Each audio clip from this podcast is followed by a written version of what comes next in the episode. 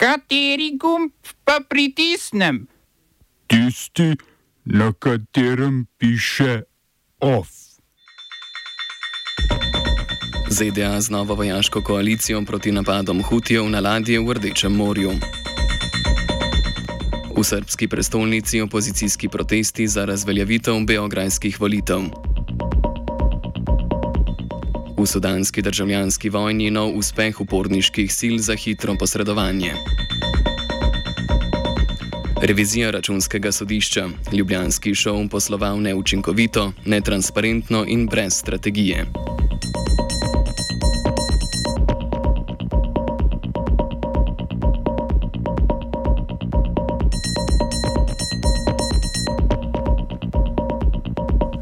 Dobr dan, poslušate poročila na Radiu Student. V Beogradu so demonstranti pred poslopjem Republike volilne komisije protestirali proti volilnim mahinacijam vladajoče srpske napredne stranke. V opozicijski koaliciji Srbija proti nasilju ne priznavajo rezultatov nedeljskih volitev, na katerih je prepričljivo zmagala stranka, ki jo ne uradno, a dejansko vodi predsednik države Aleksandar Vučić. Kan kandidat Srbije proti nasilju za župana Beograda je bil Vladimir Obradovič nekdani član konzervativne demokratične stranke Srbije. Kakor je na protestih dejal Obradovič, zahtevajo razveljavitev volitev v Beogradu. Mi rezultate beogradskih izbora ne možemo da prihvatimo i nećemo prihvatiti.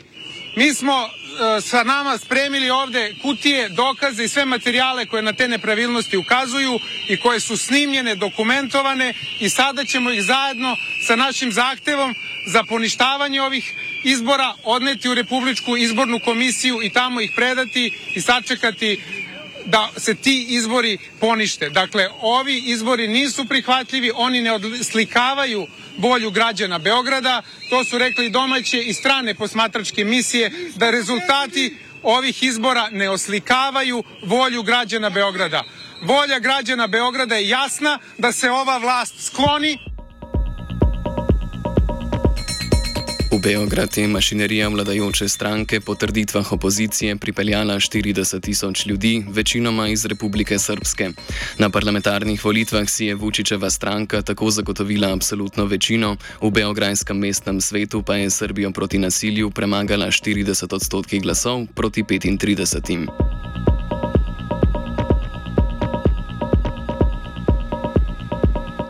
V poslopje volilne komisije, kjer je potekala seja o pritožbah na regularnost volitev, so protestniki metali jajca, policija pa je več predstavnikom opozicije preprečila vstop v zgradbo.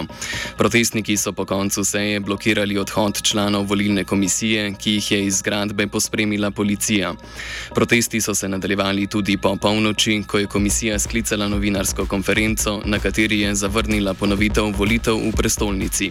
Predstavnika Srbije proti nasilju na parlamentarnih volitvah, Marinika Tepič in Miroslav Aleksič, ki sta lahko prišla na sejo volilne komisije, sta v znak protesta proti volilnim rezultatom napovedala gladovno stavko.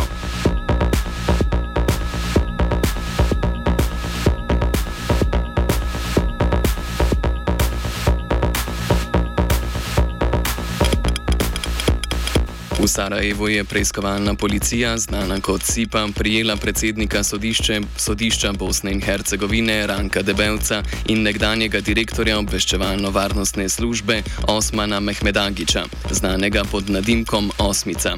Oba sta obtožena zlorabe položaja. Proti Mehmedagiču, ki je moral vrh bosanske obveščevalne službe zapustiti februarja, poteka ločena preiskava zaradi zlorabe položaja, ponarejanja dokumentov in pranja denarja. Neuradno sarajevski mediji poročajo, da je Debevec oviral preiskavo Mehmedagiča.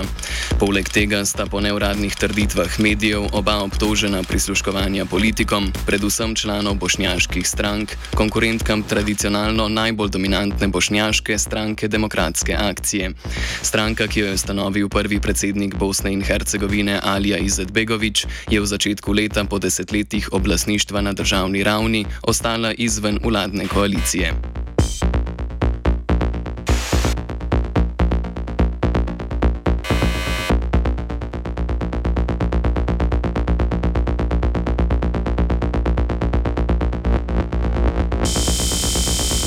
Izraelska vojska je na jugu okupirane Gaze v mestu Rafa zbombardirala vsaj tri stanovanske stavbe. Z novimi napadi je število ljudi, ki jih je od 7. oktobra pobila na območju Gaze, približala 20 tisočim. Ameriški obrambni minister Lloyd Austin je med obiskom Bahrajna medtem napovedal začetek nove mednarodne vojaške koalicije, ki bo varovala morske poti v Rdečem morju pred napadi jemenskih hutijev. V koaliciji bo sodelovalo deset držav, med njimi Francija, Italija in Združeno kraljestvo, ter manjše države iz okoliške regije, kot so Sejšeli in Bahrajn, v katerih že delujejo ameriške in britanske mornariške baze. Na istem območju in s podobno misijo sicer deluje obstoječa mednarodna vojaška koalicija pod ameriškim vodstvom. Tako imenovane skupne mornariške sile delujejo pod poveljstvom pete flote ameriške mornarice s sedežem v Bahrajnu. V njih uradno sodeluje 39 držav, od Sejšelov do Južne Koreje, a veliko večino vojaške moči zagotavlja ameriška mornarica. Ta ima v bližini ožine med Afriškim rogom in Arabskim polotokom, kjer huti izvajajo največ napadov, tri rušilce, tja pa bo poslala še tri.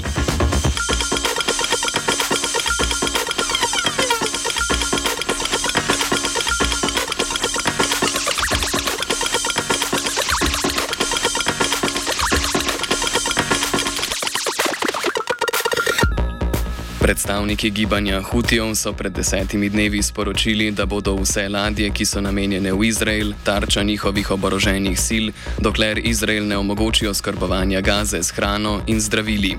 20. novembra so Hutiji s helikopterskim desantom zajeli ladjo Galaxy Leader, katere lastnik je izraelski milijarder Abraham Ungar. V mesecu dni so v napadih z droni in z balističnimi raketami poškodovali več civilnih ladij. V zadnjem tednu so ti napadi postali pogostejši, tarče so postale tudi ladje, ki nimajo jasnih povezav z Izraelom. Zato so ladijske družbe Mersk, CMA, CGM, Hapag Lloyd in MSC konec prejšnjega tedna napovedale, da bodo prenehale pluti skozi Rdeče morje in Sueški prekop.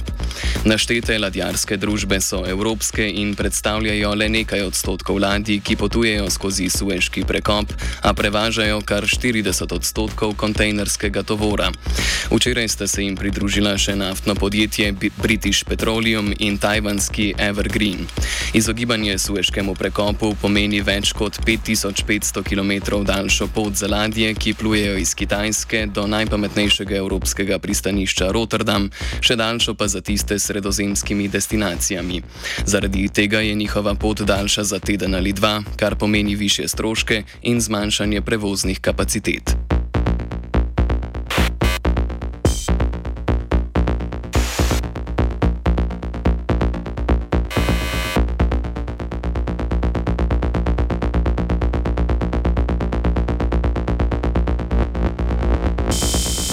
Sudanski državljanski vojni so sile za hitro posredovanje zauzele mesto Wad Madani, eno večjih mest v državi. V glavno mesto zvezdne države Gezira so se po uspehih uporniške paravojaške skupine v bojih proti državni vojski zatekli številni begunci. V zadnjih štirih dneh je iz Gezire po podatkih Mednarodne organizacije za migracije moralo zbežati okrog 300 tisoč ljudi. Sile za hitro posredovanje so aprila napadle državno vojsko. Napade so začele v prestolnici Khartoum, nad katero nobena stran nima popolnega nadzora. Wad Madani je po cesti od Khartouma oddaljen skoraj 200 km proti jugovzhodu. Silam za hitro posredovanje je v osmih mesecih uspelo prevzeti nadzor nad jugozahodnim delom Sudana, predvsem nad regijo Darfur, kjer je bil že pred vojno center njihove moči.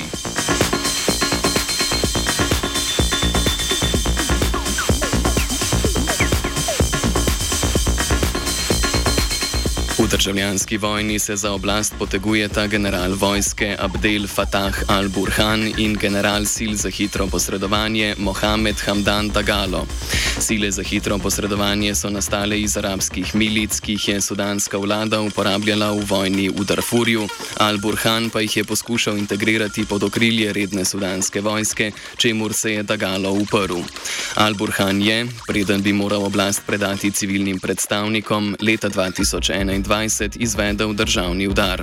Od takrat je de facto voditelj Sudana. Zaradi državljanske vojne je od aprila z domov zbežalo skoraj 7 milijonov Sudancev.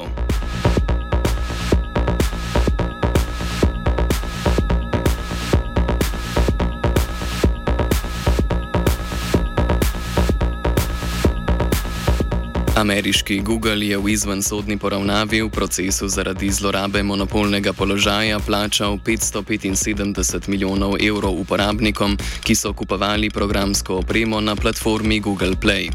Uporabniki mobilnega operacijskega sistema Android, ki jih je podjetje oškodovalo v zadnjih sedmih letih, bodo prejeli vsak 2 evra. Še dobrih 60 milijonov evrov bo Google plačal ameriškim zvezdnim državam, ki so vložile tožbo.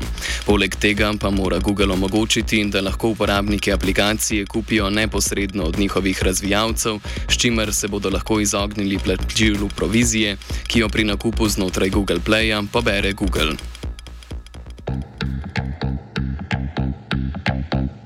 Smo se osamosvojili, nismo se pa osvobodili. Naslednje število je še 500 projektov izpiljene modele, kako so se strani nekdanje LDS rotirali. Ko to dvoje zmešamo v pravilno zmes, dobimo zgodbo o uspehu. Takemu političnemu razvoju se reče udar. Jaz to vem, da je nezakonito, ampak kaj nam pa ostane? Brutalni obračun s politično korupcijo. To je Slovenija, tukaj je naša zemlja, to je Slovenija, Slovenija, Slovenija.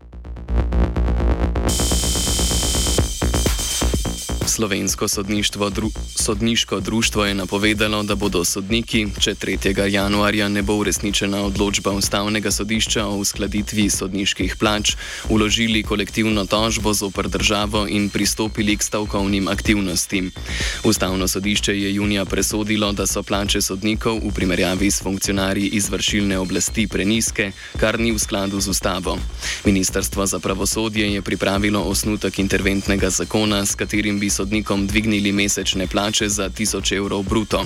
A ministrica Dominika Švarc-Pipan pravi, da v koaliciji tega predloga ne podpirajo. Po neuradnih informacijah časopisa Dnevnik zvišanju nasprotuje predvsem finančni minister Klemen Boštjančič. Akademskih 15.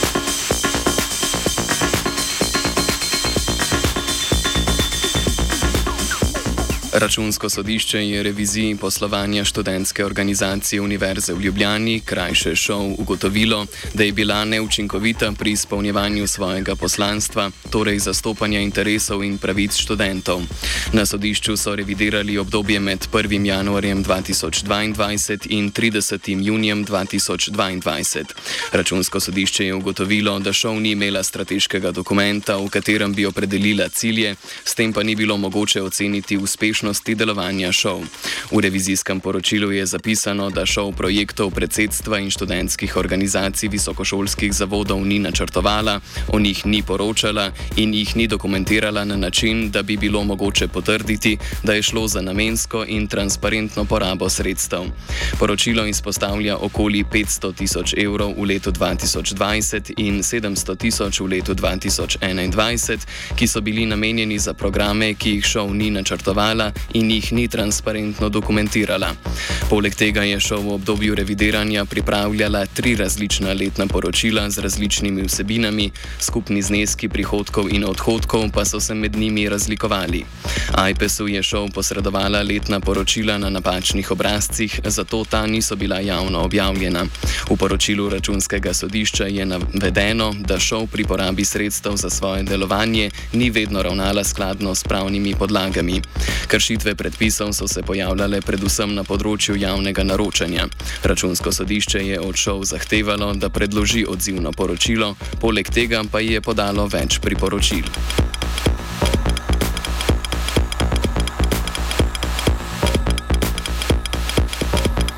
OF je pripravil Gal, študentsko vest je prispevala Vajenka Maša.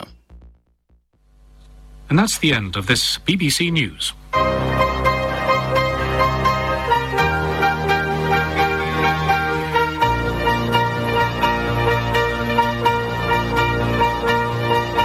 Edini radio za gluhe ta moment je radio študent.